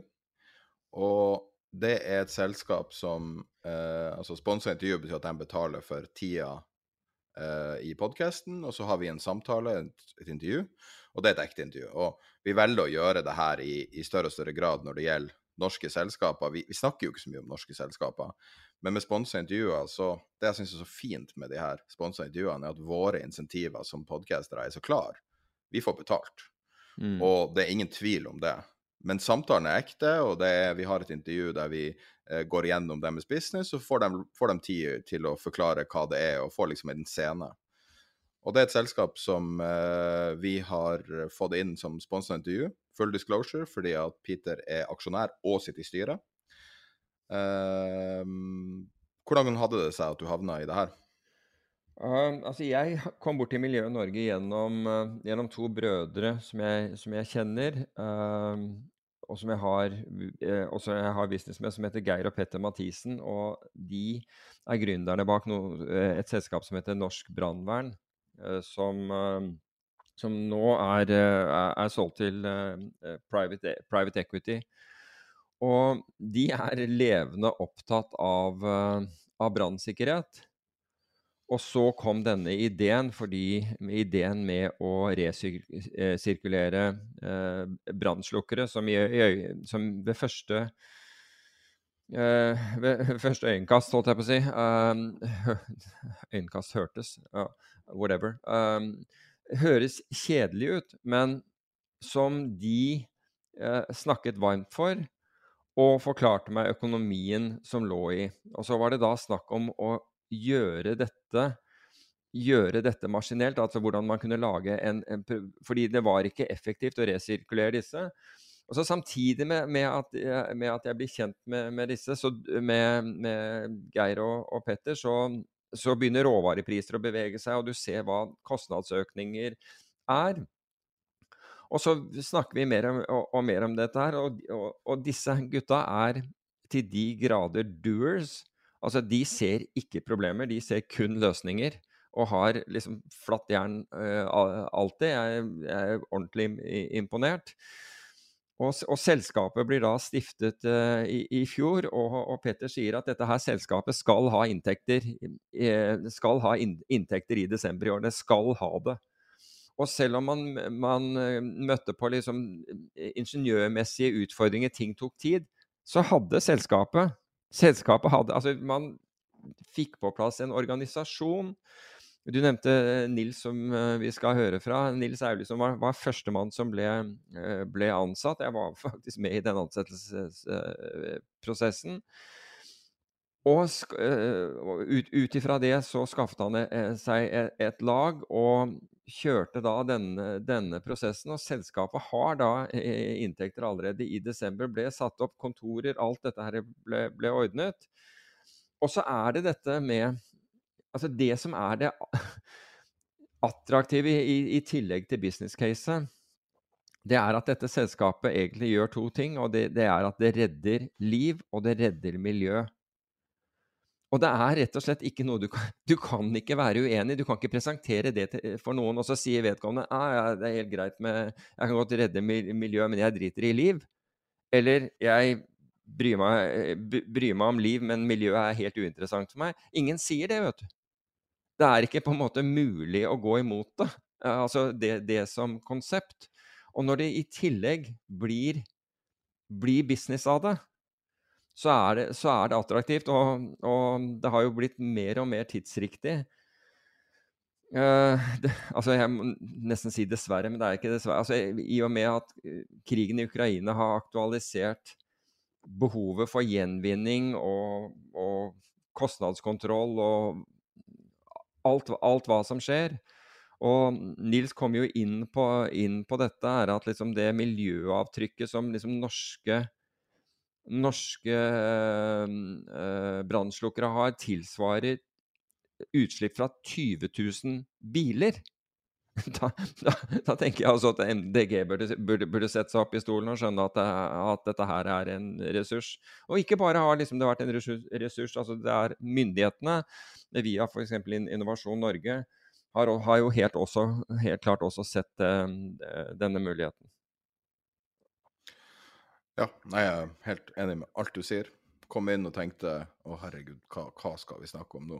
Og så viser det seg at det er et dødsinteressant business case supernisje. Eh, god samvittighet, god, god, avkastning, god Det er liksom Det, det, er, det er, så tidsriktig som det kan være. Og eh, som jeg sier i innledninga, stolt av at Norge produserer sånne typer startuper. Og så kan andre lage sånne som gjør det lettere å targete folk med reklame når du er inne på kjøpesenter og sånne ting. Mm. Det syns jeg ikke er så interessant å høre om. Og Det er nettopp derfor vi, vi, vil ha dem her, og vi sier nei til de fleste som, som tar kontakt, fordi vi vil ha dem som man faktisk, eh, om ikke går god for, men i hvert fall eh, eh, som virker som veldig anstendige folk. Men skal vi starte intervjuet da, kanskje? Kjør på. Ja, da sitter jeg her eh, på på, på, ferie i Spania, og, og uh, nå skal vi snakke om brann. Jeg sitter jo på en måte litt her, her er det mye branner. Jeg har sett mye skogbranner allerede, og, og, det er jo mye skogbranner i Oslo, men det, det er ikke sånn hva brann vi skal snakke om. Um, det er en bransje som jeg tror ikke så mange egentlig tenker på. Man har ikke så lyst til å tenke på det. Men før vi starta nå, så fortalte jeg om at uh, søstera mi hadde, hadde, en veldig forferdelig brann, og at jeg sjøl hadde starta en brann en gang. og og hadde sett hvor uendelig grusomt det blir på ett sekund, to sekunder, tre sekunder. Og at den der dølle tingen som ingen har lyst til å snakke om, brannslukningsapparat, som ikke bare er god business, men også er så emosjonelt ladda, liksom. Du har, har, ja. har du jobba med det lenge? Du, nå, jeg har ikke jobbet med det så lenge, faktisk. skal Jeg være ærlig. Jeg ble ansatt i dette selskapet per 1.9. i fjor. Eh, og var da første fulltidsansatte i dette selskapet. Eh, I dag er vi faktisk allerede 15 personer. Så vi har hatt en eh, voldsom utvikling siden jeg begynte. Ja, Selskapet selv ble år siden, eller? Ja, selskapet ble seg selv grunnlagt i 2021, i februar.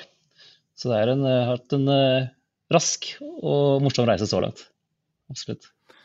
Dere starta med et pang og fikk eh, veldig mye støtte fra, eh, fra staten, var det ikke det?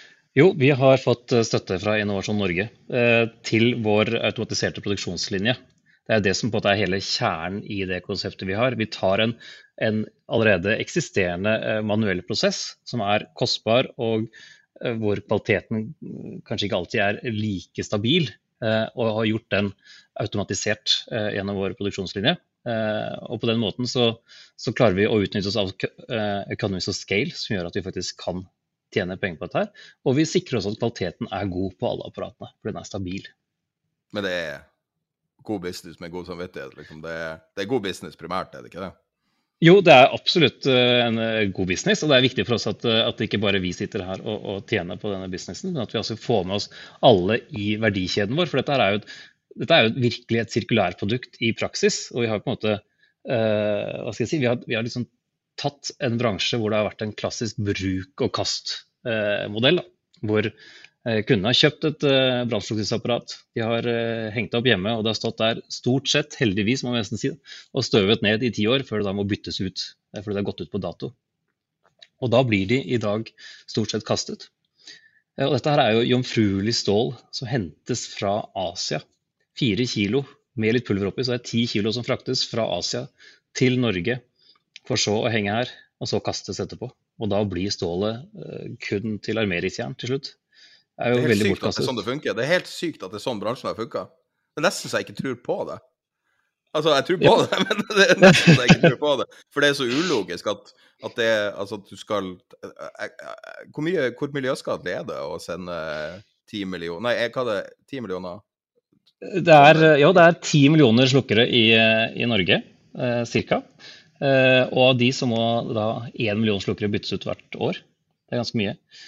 Eh, vi har samarbeidet med Bergfall miljørådgivere og kjørt en, eh, en miljøanalyse på disse slukkerne. Eh, og det skal jo sies da at 85, mer enn 85% av slukkerne kommer fra Asia. Resten kommer fra, litt fra Egypt og noe fra eh, Europa. Men totalt sett så har vi en CO2-belastning på 38 kg CO2 per slukker.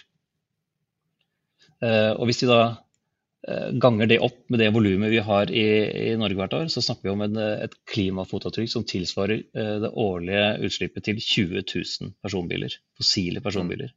Så det er jo Det høres kanskje lite ut med én en enkelt enhet, men når vi skalerer det opp, så blir det stort, og det kan gjøre en, en forskjell.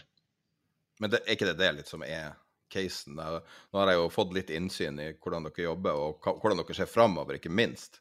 Ja. Uh, det her virker jo som Altså, det er brannslokker over hele verden, liksom. Det er akkurat det det er. og det fine er jo at regelverket, spesielt for EU og, og Norge som eh, EØS-medlem, er, er veldig, eh, relativt likt. Det er samme krav til, til, slukkere i alt av næringsbygg og offentlig bygg og infrastruktur. Så det er jo flust av slukkere rundt om i hele Europa som kan byttes ut på denne måten. Eh, når det gjelder, Kan vi spole litt tilbake? Kan vi forklare hvordan bransjen funker? For nå har jeg akkurat lært meg det sjøl, og litt uh, eh, overraska over dynamikken. Det er liksom en uvant dynamikk. Litt sånn som trafikken i Spania. det er litt sånn uvant dynamikk. uh, så på toppen i verdikjeden så er det noen selskaper som gjør sånn total, ikke sant? Ja, altså de som håndterer de fleste slukkerne i, i dette land, er brannforebyggende aktører. Det er de som går inn i, i næringsbygg og i sameier og borettslag og kontrollerer at brannsikkerheten er på plass, eh, og som da bytter ut det som må byttes ut. Det kan være seg da brannslukkere, som vi eh, jobber med, men det kan også være brannalarmer og, og, andre varslingssystemer og slukkesystemer som, som, som trengs. Eh, og når de da bytter ut disse slukkerne, så må de ta ut de gamle slukkerne og setter inn nye, og stort sett er det da nyinnkjøpte slukkere, rett og slett fordi det er gunstigst for disse selskapene. Det fins en måte, eller har vært i alle år egentlig, en metode for å gjøre en manuell service på disse slukkerne, som jeg sa innledningsvis. Men den er veldig manuell, den er tidkrevende og koster mye penger. Og dermed så er det lettere å bare kjøpe en ny en fra Asia. Det har blitt for gunstig rett og slett å produsere i Asia og importere. Og så, så er det klart at ja, Dere er eneste aktør, så vidt jeg har skjønt, som holder på med å prøve å fikse det? Vi er eneste aktør som gjør dette her i storskala uh, i hele Europa, faktisk. I hele Europa? I hele Europa, så langt vi kan se. Vi har, eh, vi har eh, jobbet med Innovasjon Norge og kjørt markedsundersøkelser i, eh, i alle de nordeuropeiske landene, altså helt ned til eh, Frankrike og UK og Tyskland og alt nordover. Og det er ingen andre som driver med det samme som oss i den skalaen vi driver. Det er en ganske lovende case. Jeg må si at jeg var ganske ung når Tomra var den eh, store tradingaksjen på Oslo Børs, men eh, jeg husker jo økonomien i Da var det jo Det er jo mer, mer enn gjenbruk, så det er jo mer resirkulering i, i fullstendig grad. Men uh, de her store statlige kontrakt, eller sta, store kontrakter i store land, er jo, det er jo mye penger. Jeg husker jo det var jo veldig stort. Nå er jo det ferdig, og de har hele markedet. Men uh, er det sånn dere sikter inn? Og, og gå, for, Ja. gå for hele pakka, liksom? Ja, vi eh, har jo nå sagt at vi skal etablere oss i, i Norge i første omgang. Det er der vi startet opp. Eh, men vi er allerede nå på vei inn i Sverige, og, og søker jo egentlig kapital for å, å støtte den veksten vi har planlagt der. Eh, så jeg var faktisk over i forrige uke sammen med Innovasjon Norge og kronprinsparet med en næringsdelegasjon for å skape litt kontakter og, og bygge opp et case vårt. Da.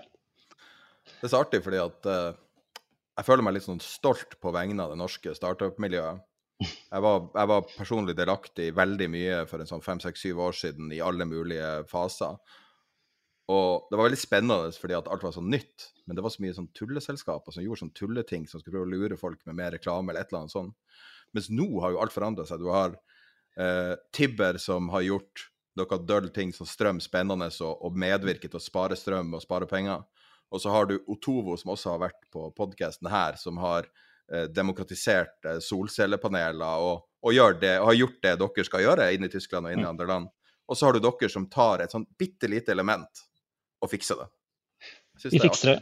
Ja, vi fikser det, og vi gjør det kult for, for, for kunden. Eh, Og enkelt, det er på en måte det, det vi ser er løsningen vår. Vi skal gjøre det enkelt for kunden å tenke sirkulært. Mm. Eh, frem til nå så har det vært vanskelig å bli, å bli kvitt eh, slukkeren. Man har liksom gått ut på dato og så har man tenkt ok, hvor gjør jeg den slukkeren da? Noen har vært innom Jernia eller en annen butikk og lever, prøvd å levere den, og så har de sagt nei, sorry, vi kan ikke ta imot, for det koster oss penger å bli kvitt disse her. Det kan vi dessverre ikke håndtere. Eh, og da blir de bare stående i kjelleren, da. Eh, og så får du sånn en generasjon med slukkere etter hvert som du har bytta ut og bytta ut og bytta ut. Og vi har jo sagt at det eneste kravet vi har til våre partnere, er at de skal selge våre slukkere.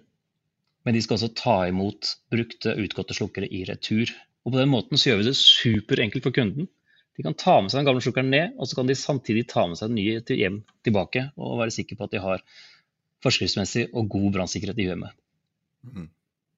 Har dere tenkt eh, å på en måte Har dere tenkt å produktifisere det her på noen måte, eller bygge noe sånn Jeg tenker, på, jeg tenker med en gang på andre selskaper for å prøve å relatere, sånn som Tibber gjorde liksom med å bygge en app som viser deg time for time, eller skal, har dere gjort noe sånne ting?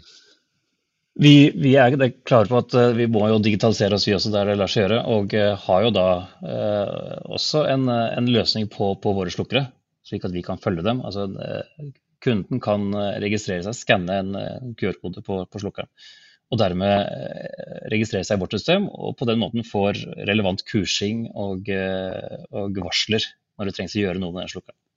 Så vi, vi, vi knytter kundene til oss gjennom dette her, og, og Eh, Det åpner selvfølgelig for at vi på sikt kan lansere andre produkter.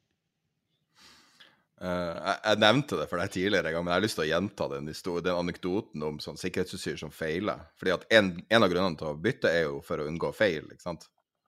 Ja. Og da var det, eh, når jeg hadde sett på um, sånn TV-serie, Survivor Man, der han skulle teste ut sånn båtflåte, og så får han ei sånn, sånn nødflåte fra en båt, og så hiver den ut på havet, og så synker den. Så bare, ha. og så hiver han på det tak i ei til, så hiver han ut på havet og synker, og så tredje funker, og er lekk også. Og, og det for meg var en sånn åpenbaring. Jeg har aldri tenkt at sikkerhetsutstyr kunne feile. Jeg har aldri falt meg inn at det var en mulighet. Eh, Nei, og det- Med en gang begynner man å relatere til ting. Jeg vet ikke, jeg syns det er positivt. Ja, og det hadde vært skremmende hvis det skulle vært slik med våre slukkere. At to av tre slukkere ikke fungerer. Vi er veldig opptatt av at kvaliteten er god. Eh, Den kontrollen og testen og servicen vi gjør med disse slukkerne før vi sender de ut på markedet, er ganske eh, grundig og ordentlig. Eh, og vi sjekker alt fra selve beholderen, at den er hel. Ingen innvendige skader, ikke noe korrosjon, ingenting. Vi bytter alt av pakninger. Vi smører opp alle mekaniske deler. Vi sjekker eh, etter lekkasje etter at vi har gjort den klar.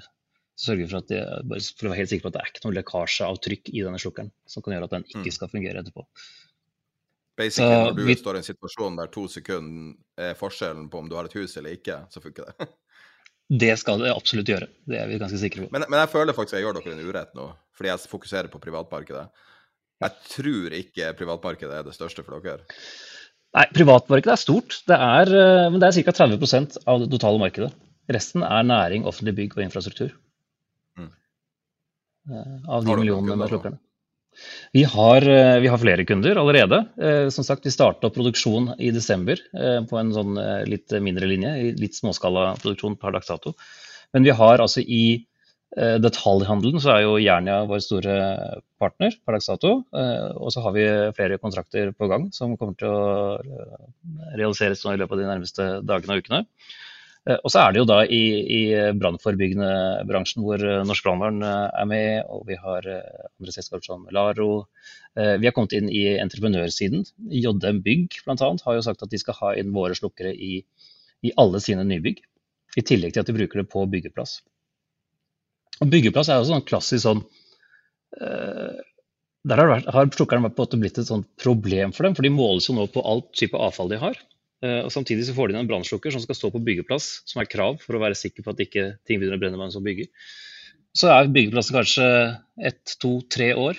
Eh, Og når de har gått tre år, så, så er det for kostbart for de å organisere kontroller eller andre ting. Eller det er kanskje ikke tid til å flytte disse over til et nytt prosjekt. For det er ikke noen ledige prosjekter. Det er ikke noen prosjekter som starter akkurat idet det andre prosjektet avsluttes.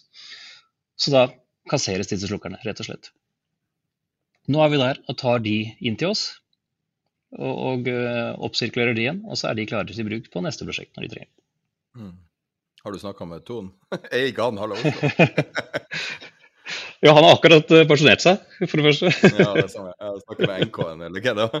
Nei, men det er jo eh. Jeg ser, jo business case krystallklart her, altså. Det må jo Ja, at... det er, det, det er på en måte ingen grunn til å si nei. Altså, vi, vi, vi tilbyr et produkt som er, det er konkurransedyktig på pris. Det har et eh, klimafotavtrykk som er altså 38 kilo CO2 eh, mindre per gang de må bytte en slukker. Og så I tillegg så slipper de kostnadene, eller i hvert fall redusert kostnadene ved å bli kvitt slukkerne når de da endelig går ut på dato. De her, Så det er på eh, en måte Det er en ting som slo meg. De som importerer brannslukningsapparat Nå driver jeg og lobbyerer på dine vegne. nå til, Mm. Vi har litt politikere og diverse byråkrater som hører på. Ja. så en ting jeg tenkte på, på bilfabrikanter så har du jo CO2-sertifikater. Eh, er det sånne ting i andre bransjer? Ja, så Byggebransjen er jo, som jo eh, er i, i dag den største avfalls, eh, avfallsprodusenten i, i landet, de måles jo på eh, ethvert gram av avfall som de genererer. Og Det er derfor dette er så attraktivt også for dem, å, å slippe å, å kassere alle disse brannslukkerne. Det går rett Jeg tenker deres... mer på at eh, dine konkurrenter burde, burde måtte betale for CO2-kreditten. Jeg mener det på full alvor. Hvis du frakter ja. tusenvis av tonn med stål over havet eh, med tankskip Altså, det, det er provoserende, rett og slett. Jeg er helt enig. Det er klart at uh, vi skulle vel alle ønske at man hadde en slags eh, CO2-avgift eh, på alle nye varer. Det hadde vært en, en god måte å håndtere det på. Så har vi jo andre faktorer som nå hjelper oss uh, også videre inn i markedet her, og det er jo selvfølgelig økte stålpriser generelt. Uh, og også økte fraktpriser fra Asia. De har jo virkelig gått i taket siden covid. Jeg har fått det med meg. Ja, det var det. ja, da, så det er gode insentiver. Hver episode, tror jeg. Men eh, kan vi snakke litt tall, da? Hvor, eh, hvor, hvor stort er markedet i Norge? Hva er, hva er rammen her? Nei, altså sagt, Markedet er jo eh, det er jo én million slukkere i året. Eh, Så gjøres jo som sagt noe manuelt eh, arbeid i dag, men det er en, en brøkdel. Men det importeres hvert år eh, minimum 700 750 000 slukkere hvert år. Så det er jo på en måte markedet vi kan angripe lett. Hvor mye koster brannslukker? oss- Du kan finne en brannslukker til eh, 400 kroner på Claes Olsson, tror jeg. Cirka. Eh, og vi ser oss ikke som en eh, konkurrent til noen av de som leverer ut slukkere til eh, sluttkunde. Vi er egentlig bare en leverandør på lik linje med, med produsentene i Asia. Så basically Claes Olsson kunne ha vært kunde av dere? Ja. Eller er kanskje, og jeg vet ikke. Ja. Men hvordan kanskje er sånn Europa og Ja, ikke sant. Sånn som hvis du ser utover Europa eller til Amerika og sånne type ting. Hvordan Altså, er det her en economy of scale-business? Er det her, Får du bedre marginer, eller får du faste marginer i, i vekst? Hvordan, hvordan er mulighetene? For det er alltid vekst som er interessant. ikke sant? Dette her er absolutt et economies of scale-produkt. Den produksjonslinjen vi, eh, vi har designet sammen med en, eh, et ingeniørselskap i, i Skien, den er jo avhengig av at vi eh, Den har vært ganske dyr. Det var derfor vi fikk den støtten også fra Innovasjon Norge på, på 26 millioner. Det var jo for å kunne finansiere og, og få til denne første pilotlinjen vår. Eh, Så det er klart at eh, skal dette lønne seg, så, så skal, må vi ta substansielle deler av markedet.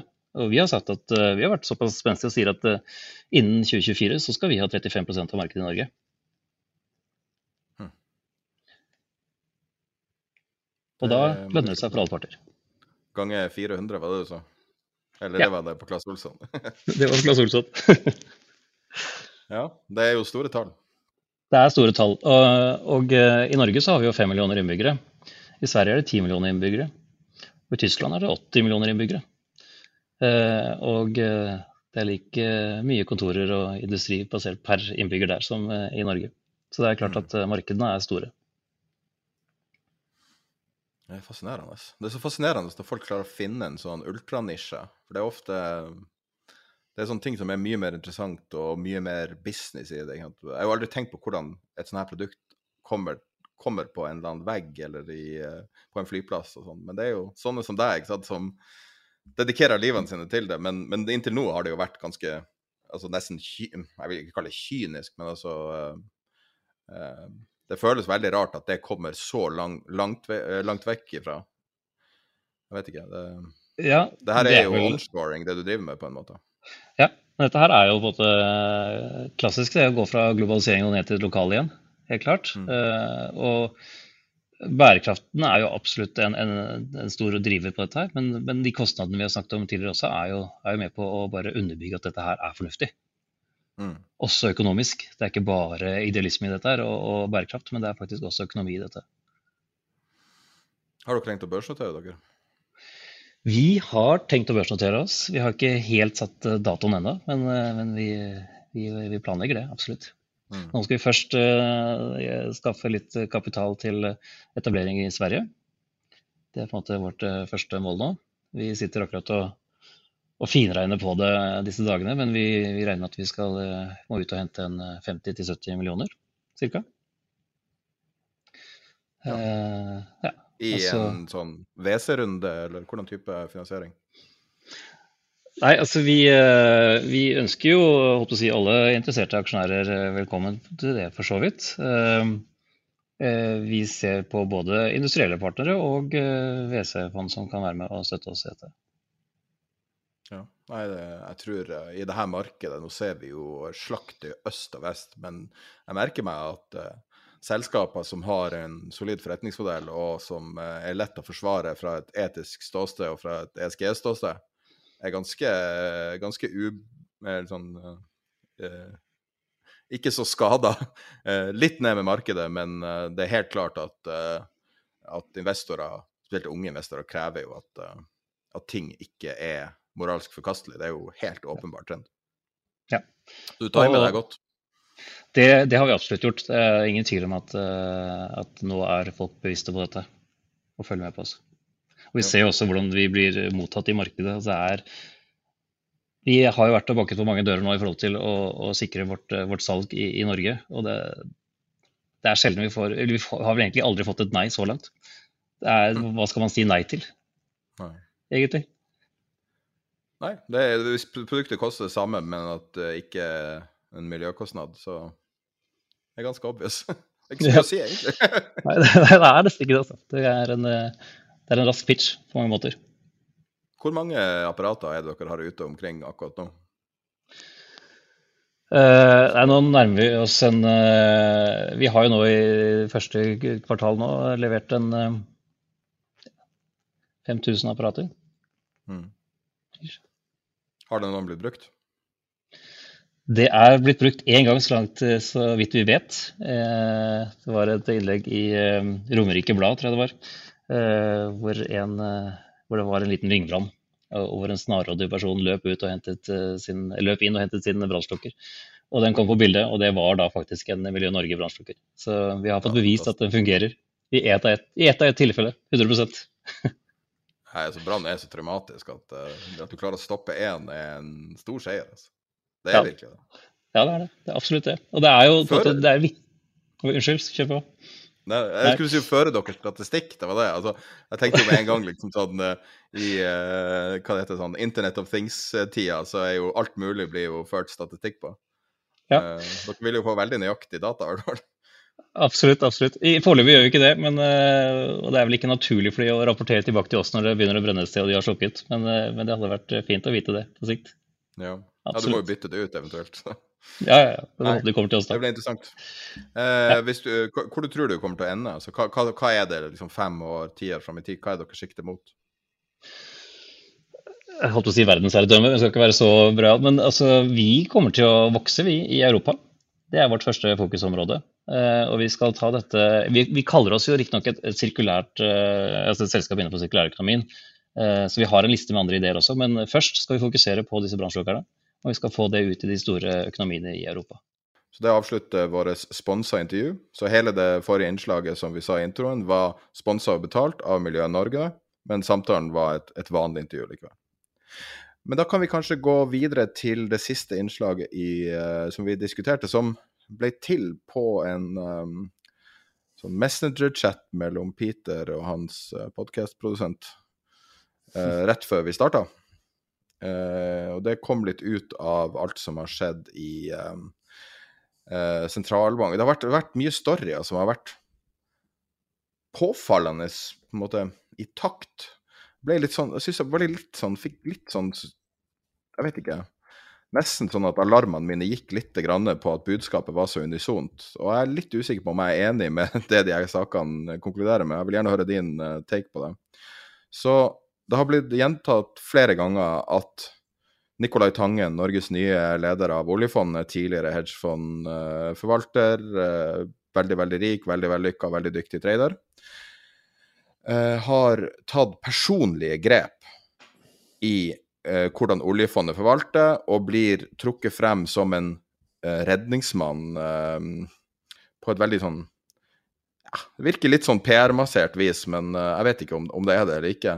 Der han sier at han har spart uh, uh, oljefondet et tap på 85 milliarder eller noe sånt. Nå høres det jo veldig mye ut, men oljefondet er jo ganske stort, så jeg tror at det er mye penger, men oljefondet er jo hva jeg skal sjekke akkurat nå på NBIM, er det 11 000 milliarder akkurat nå, tror jeg. Og 11 500 milliarder. Uh, så 85 er jo fint, men altså Det er jo ikke så mye i den store sammenhengen. Hva er det han har gjort, og hva syns du om det? Ja, altså, jeg vet ikke helt nøyaktig hva, hva han har gjort, uh, men siden dette skal ha dreid seg om obligasjonsporteføljen, så vil jeg konkludere med, og har, tror jeg er ganske sannsynlig, er at han har redusert durasjonen, altså lengden på, på, løpetiden på obligasjonene som, uh, som NBIM sitter med. Fordi altså, NBIM har jo da 70% aksjer og 30% obligasjoner. Og jeg vil da gjette at i takt med at renten ble så lav som den gjorde, altså med andre ord at mange av de obligasjonene som de har sittet på, har også hatt negativ rente, fordi de, de um, investerer i obligasjoner i henhold til indeks, så vil jeg tro at han har kortet ned den, den uh, durasjonen for å redusere følsomheten på disse obligasjonene i forhold til, i, i, i forhold til en renteoppgang. Altså rett og slett at, at uh, tatt hensyn til det vi snakket om i sted, at uh, den amerikanske sentralbanken har, har varslet endringer i forhold til kvantitative lettelser, og også i forhold til å øke renten. Jeg er litt uenig med deg liksom, så, altså, sånn PR-messig stunt rundt dette, fordi det er, det er, litt sånn av hva jeg har lest, og det er kun norske medier jeg refererer til her, så virker det som det er to, to leirer. Det ene er det at han, at, at han har tatt grep. Og så virker det som det er en Og det har han absolutt gjort. Og det som er interessant med det, er jo at at han synes å øke det aktive mandatet i, i, i, eh, forvaltningen der. Og, og, det på en måte har liksom vært veldig på tvers av hva alle, alle synes å, å, mene at, um, at, NBIM skal gjøre. fordi man, det aktive mandatet har jo stadig blitt kritisert og sagt at det er dyrt og unødvendig, og at man bare skal være indeks... Um, uh, men tvert imot, ikke bare viser denne saken, men også det at han øker antall ansatte ved den aktive Eh, aktive forvaltningsdelen i Oslo, eh, at, eh, at, at det er ikke bare tilfeldig. Jeg, jeg syns altså, det er modig av ham å, å, gjøre det, fordi det er, det er i hvert fall ikke det er i hvert fall ikke mainstream, det, det han gjør der. Altså, han, han, han går opp imot vinden når han gjør det. Men hvis han kan vise til resultater, så er, så er, det en annen sak. Så tilbake Så på det du sier Men det, bare som et apropos til det du ja. sier. Hvis det ikke går bra, så vet du hvem som får skylda. ja, ja, hvis det ikke går bra. Og, og, du kan si at når du sier eh, eh dette med, med PR-stunt, så kom det jo også frem at enkelte innenfor øh, NBIM, og nå igjen, dette har jeg kun fra norske, norske medier, eh, mener at han tar vel mye, eh, mye plass i forvaltningen, og i realiteten sitter på 70 Altså at han som eh, administrerende sitter på 70% av risken i boken. Nå snakker jeg om risikoen i den aktive delen, før noen liksom besvimer. Her så er ikke det 70% av totalrisikoen til, til fondet, men 70% av den relativt beskjedne delen som driver med aktiv forvaltning. Og hvis jeg kan knytte ytterligere kommentarer til det, så er det jo det at, at han må jo ha en, en, altså en enorm kapasitet. Altså hvis, kjører, hvis det er riktig at han kjører 70% av risken i den boken. Så det er, det er, mer det som du ville forvente at en chief dealer i et, i en, et banks tradingrom ville sitte med eller en CIO, altså Chief Investment Officer i et hedgefond, vil, vil sitte med, med, den største delen av, av, risikoen som tas, fremfor administrerende direktør. Um, så da er han liksom administrerende direktør. Han er da chief dealer, CEO, kall det hva du vil, altså for, forvalter. Han er veldig aktiv i, i uh, media. Han er foredragsholder. Han er podkaster, og han er en ambassadør for en måte for, for, for norsk finans, um, nasjonalt og internasjonalt. Altså, jeg må jo si at uh, han må ha en enorm kapasitet. Hvis dette er riktig Jeg, jeg sier ikke at det er det, fordi dette 70 %-tallet uh, ble nevnt. Men jeg vet ikke om det der er riktig. Men da har han i tilfelle en enorm uh, Ikke bare arbeidskapasitet, men han må ha en enorm kapasitet når det gjelder evnen til å, til å compartmentalize og fokusere. Eller han gjør en dårlig jobb. Ja, foreløpig så kan vi, ikke, kan vi, jo ikke, hevde det. Det er jo ikke noe det, jeg, jeg, jeg, hevder ikke det. Jeg sier jo han kan være det. Hvis du gjør mye det er jo, Forskning viser jo at uh, multitasking funker ikke. Du gjør to jobber dårligere enn hvis du hadde gjort én og én jobb. Jeg er enig i det. det, det er, forskning viser, viser, viser, absolutt det. Altså, dette var jo hvordan Dette var jo litt det vi gjorde tidligere, før, før elektronikken tok over for, for alvor i, i dealingrom. Da hadde du, i hvert fall som chief dealer, du hadde veldig mange roller, inkludert personalansvar og alt mulig. og jeg er ikke uenig med deg at vi kunne gjort uh, jobbene våre bedre den gangen hvis vi hadde færre. Jeg sa fra meg personal, personalansvar rett og slett for, for, å ha kapasitet til å gjøre jobben uh, bedre. Fordi ledelsesbiten tok, og det å sitte i ledergruppe og sånt, og tok veldig mye av, av tiden min. Og, og det var ingen, ingen, som reduserte budsjettene mine eh, på basis av at jeg brukte mye tid på andre ting. Eller måtte bruke mye tid på andre ting, så da ble det endte med at jeg sa fra meg de andre tingene. Men eh, Jeg vet ikke. Um, jeg Altså, det er jo spennende det, det som skjer der. Og nå får man jo virkelig prøve ting. I og med at det er, at det er turbulent. Men, men oljefondet er jo ikke én person. Oljefondet Jeg har møtt masse folk, kjenner mange folk i oljefondet har møtt masse folk der og, og vært rundt på turné og gjort masse med dem. Og det er så mye smarte mennesker der. Så hvis ryktene stemmer at han overkjører folk i møter, og at det her er basically top down, at basically alt må komme fra én person, så sier det seg jo sjøl at det her er problematisk. Det er snakk om enhver lytter med norsk pass det er dine penger det er snakk mm. om. Og det er ikke et egokjør for én person. Og vi var veldig positive til Tangen da han kom inn. Media var veldig negativ, ledet an av f.eks. Kaski og, F og SV og sånn. Og sånn som det står per nå, så syns jeg det er mer uavklart. Jeg vet ikke, fordi vi, jeg, jeg, føler ikke at vi har eh, nok datapunkter til å, til å, på en måte endre oppfatning. Jeg ser jo at terrenget endrer Altså, terrenget endrer seg, og det gjør han også. Det er darwinisme på det gode. Um, hvilket resten av Finans-Norge ikke syns å gjøre.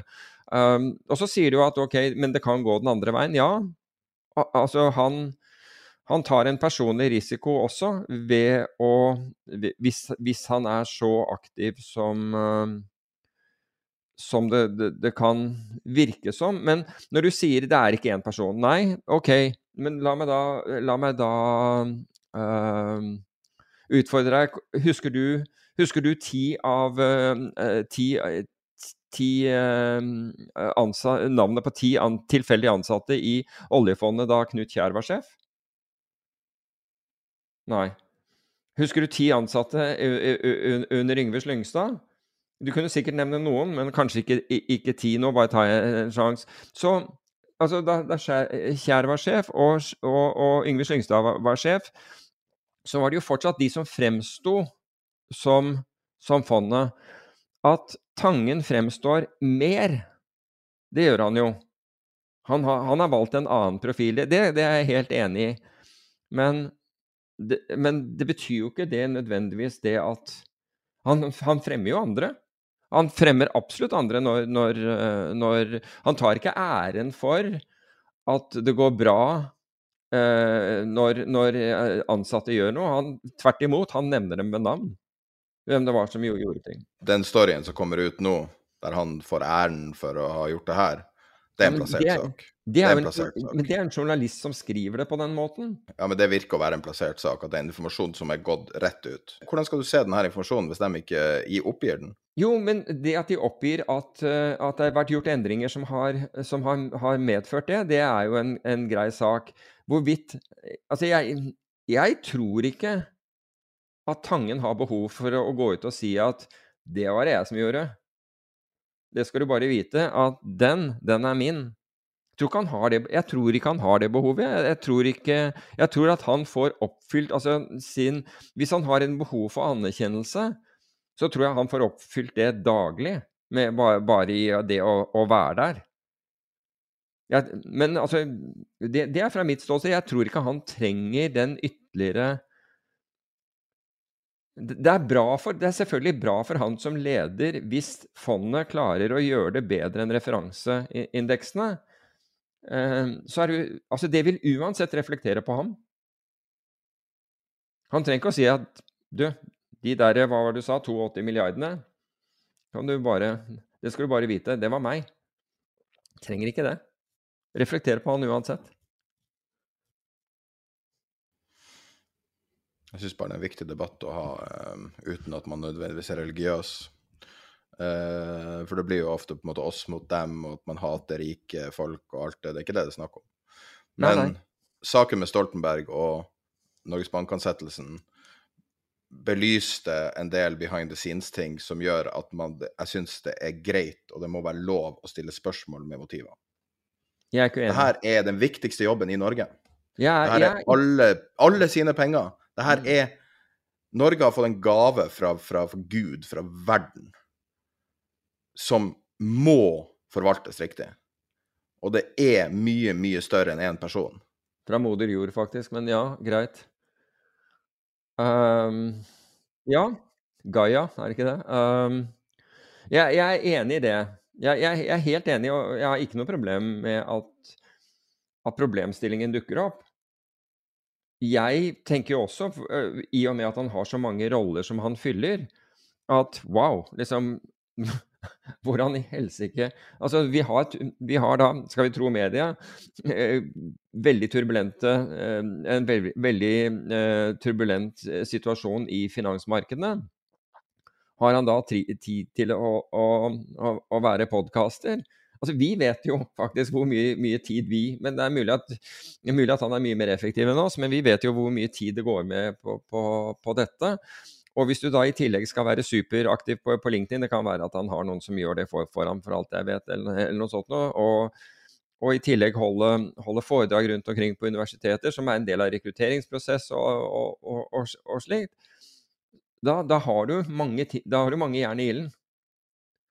Men nettopp det å altså Hvis vi bare tenker et, et skritt tilbake og ser hva, hva er det egentlig oljefondet er, så er det jo et verdens største indeksfond, antageligvis. Jeg er ikke, faktisk ikke sikker på om det er, for det kan være BlackRock Ja, i hvert fall verdens største enkeltindeksfond, for BlackRock har vel flere og er større. Men som enkeltfond så er det vel det. Det er i hvert fall verdens største eh, sovereign wealth fund. Og er i vesentlig grad et, et, et indeksfond, så da vet vi egentlig hva vi kan for, forvente av det. Så det er ikke sånn at, at Altså, du vet hva det gjør, og du har fått rammer av Stortinget via egentlig Finansdepartementet på hvordan du, hvordan du kan opptre. Og, og, de ligger han helt Altså, jeg kan ha ingen tro på at han, han, han eh, beveger seg utenfor de mandatene. Det er, det er ting som overvåkes. Det, det, er helt utenkelig. Så det er egentlig det. Det er hoveddelen. Og så har du den aktive delen, som han da har bestemt seg for å gjøre bedre, kall det på den måten. Utvide slash gjøre bedre. Utvider du, så må det være for at du, du, du skal gjøre det, gjøre det, bedre. Men så skjer det ting internt der også.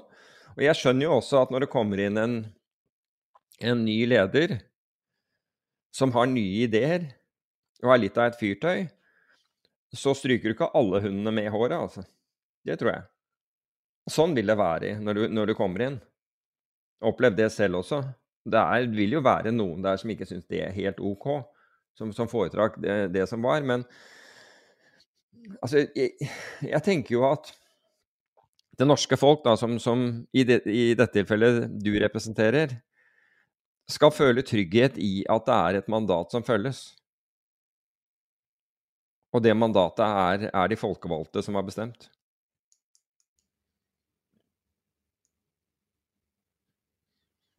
Det verste i en podkast er dead air.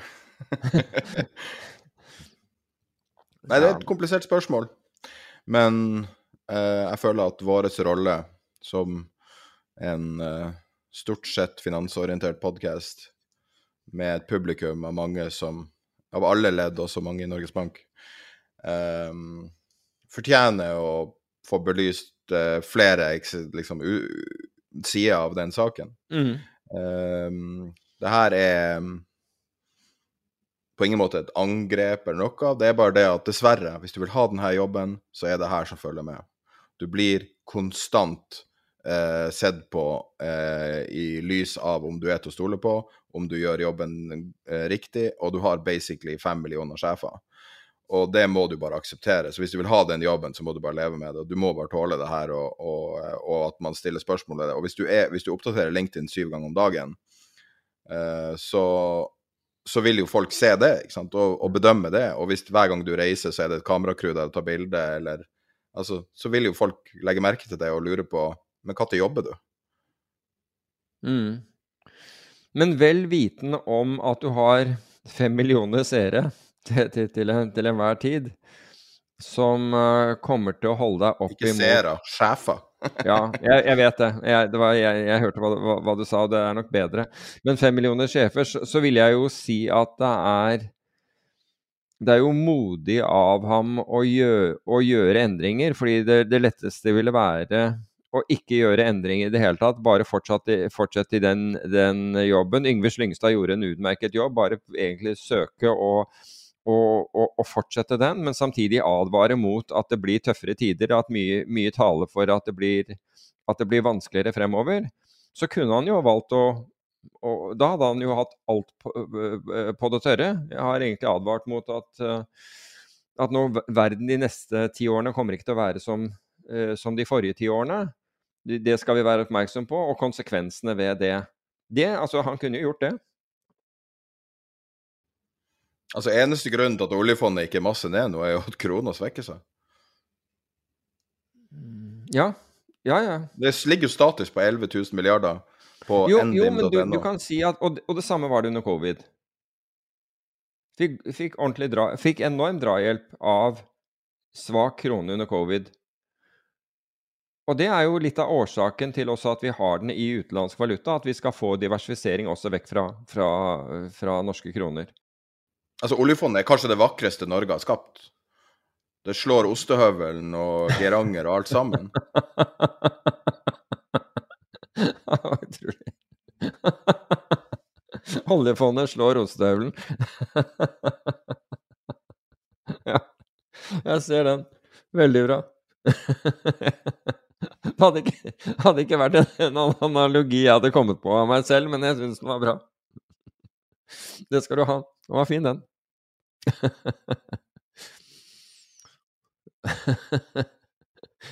kan det være tittelen til dagens podkast? Så stiller jeg meg bak den. Jeg stiller meg bak den. Oljefondet slår rotstøvelen. Jeg har et basseng som sitter og eh, Jeg hører at det roper navnet mitt oppå taket her.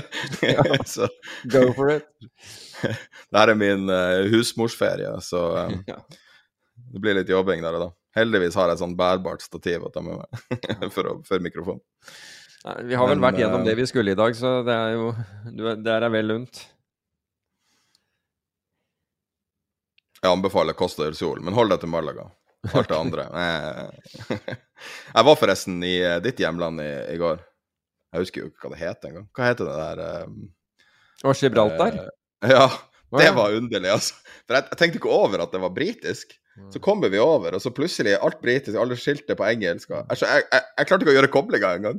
Og så det er jo, stør, det er jo i, i anførselstegn Stirling. Det er jo sånn, De har jo sin egen pund som ikke er gyldig i England. Og, eh, men jeg, det var et merkelig sted, altså. At folk bosetter seg der, det forstår jeg ikke, altså.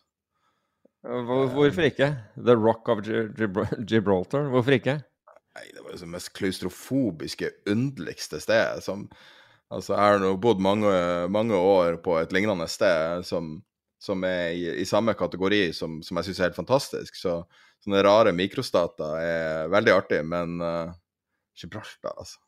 Vi hadde en aksjon vi faktisk i Gibraltar i, i sin tid. Mot, mot IRA, tro det eller ei. Ja. ja, du må gjerne gå i detaljer. Nei, det, det, det, var etter min tid. Dette var i, det var i 88, tror jeg. Ja, det var jo ikke så Jeg var jo, husker jo eh, Var det um, Maggie Thatcher trua jo med å um, invadere Monaco også. fordi at hun, ja, fordi Monaco er jo en av de få plassene som eh, ikke har signert Genévekonvensjonen, så det er ikke menneskerettigheter der. Og du kan være fengsla uten dom et liv. Og så var det en brite som var anklaga for voldtekt uten bevis. Og så sier hun jeg sender ned eh, spesialsoldater, bryter meg inn i fengselet og tar han ut. Plutselig var han fri. det er ganske heavy trussel. Ja, det var, det, var, det var, sikkert lurt. Det var sikkert lurt.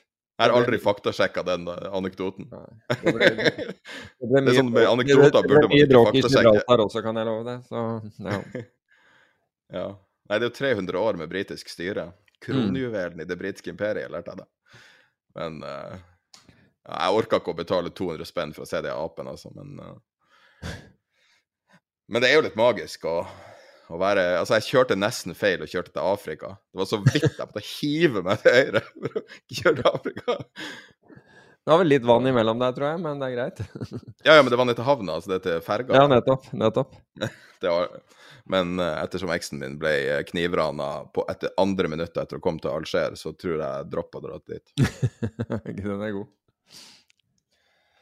Men eh, skal vi runde av da episoden og er tilbake om ei uke? Ja. Vi kan også si at vi hadde en ekstraepisode i forrige uke, så hvis du ikke følger oss eh, på Patrion, så, eh, så har du muligheten til det og gå tilbake. Da er det mer snakk om akutt det som skjedde på tampen av forrige uke, og veldig sånn fersk eh, analyse av det, av når det skjedde. Eh, og i tillegg så sendte vi ut, eh, hvis du følger oss, altså får nyhetsbrev fra oss, så fikk du kanskje en oppdatering da Eh, og Hvis du ikke får nyhetsbrev fra oss, så kan du gå på tiderpenger.no, nyhetsbrev, og abonnere der. Og, og, da får du tilsendt et gratis nyhetsbrev etter hver episode, som er liksom sånn, henger sammen med episoder. Så da sender vi ut grafer og eh, diverse bilder og, eh, og eh, linker til det vi snakker om. Så vi har snakka en del om diverse grafer, og noen ting vi ikke rakk å ta med. Så det kommer også med i nyhetsbrevet, så eh, kan du abonnere på det. Men da er vi tilbake om ei uke. Eller tidligere med en spesialepisode på Patrion, hvis det skulle være noe grunn til det. Og av og til så skriver Peter interessante blogger der også, så Ha en fin dag i solen. du også. Jeg hører det er godt vær i, i Oslo. Det er det. Ha det bra. Confidence starts with loving who you are. And when your skin feels nourished and glows on the outside, you naturally radiate confidence from the inside. Give your skin a glow up with Osea's clinically proven Mega Moisture Duo. This ultra hydrating body care features two of Osea's best sellers, Undaria Algae Body Oil and Undaria Collagen Body Lotion. These seaweed powered heroes use skincare level ingredients normally reserved for your face for results you can see and confidence you can feel. Osea has been making clean, clinically proven seaweed infused face and body care products for over 28 years. This luxurious skincare is vegan, cruelty free, and climate neutral certified, so you never have to choose between your values and your best skin. Glow from the inside out. Get 10% off your first order with code GLOW at OseaMalibu.com. That's O S E A Malibu.com code GLOW.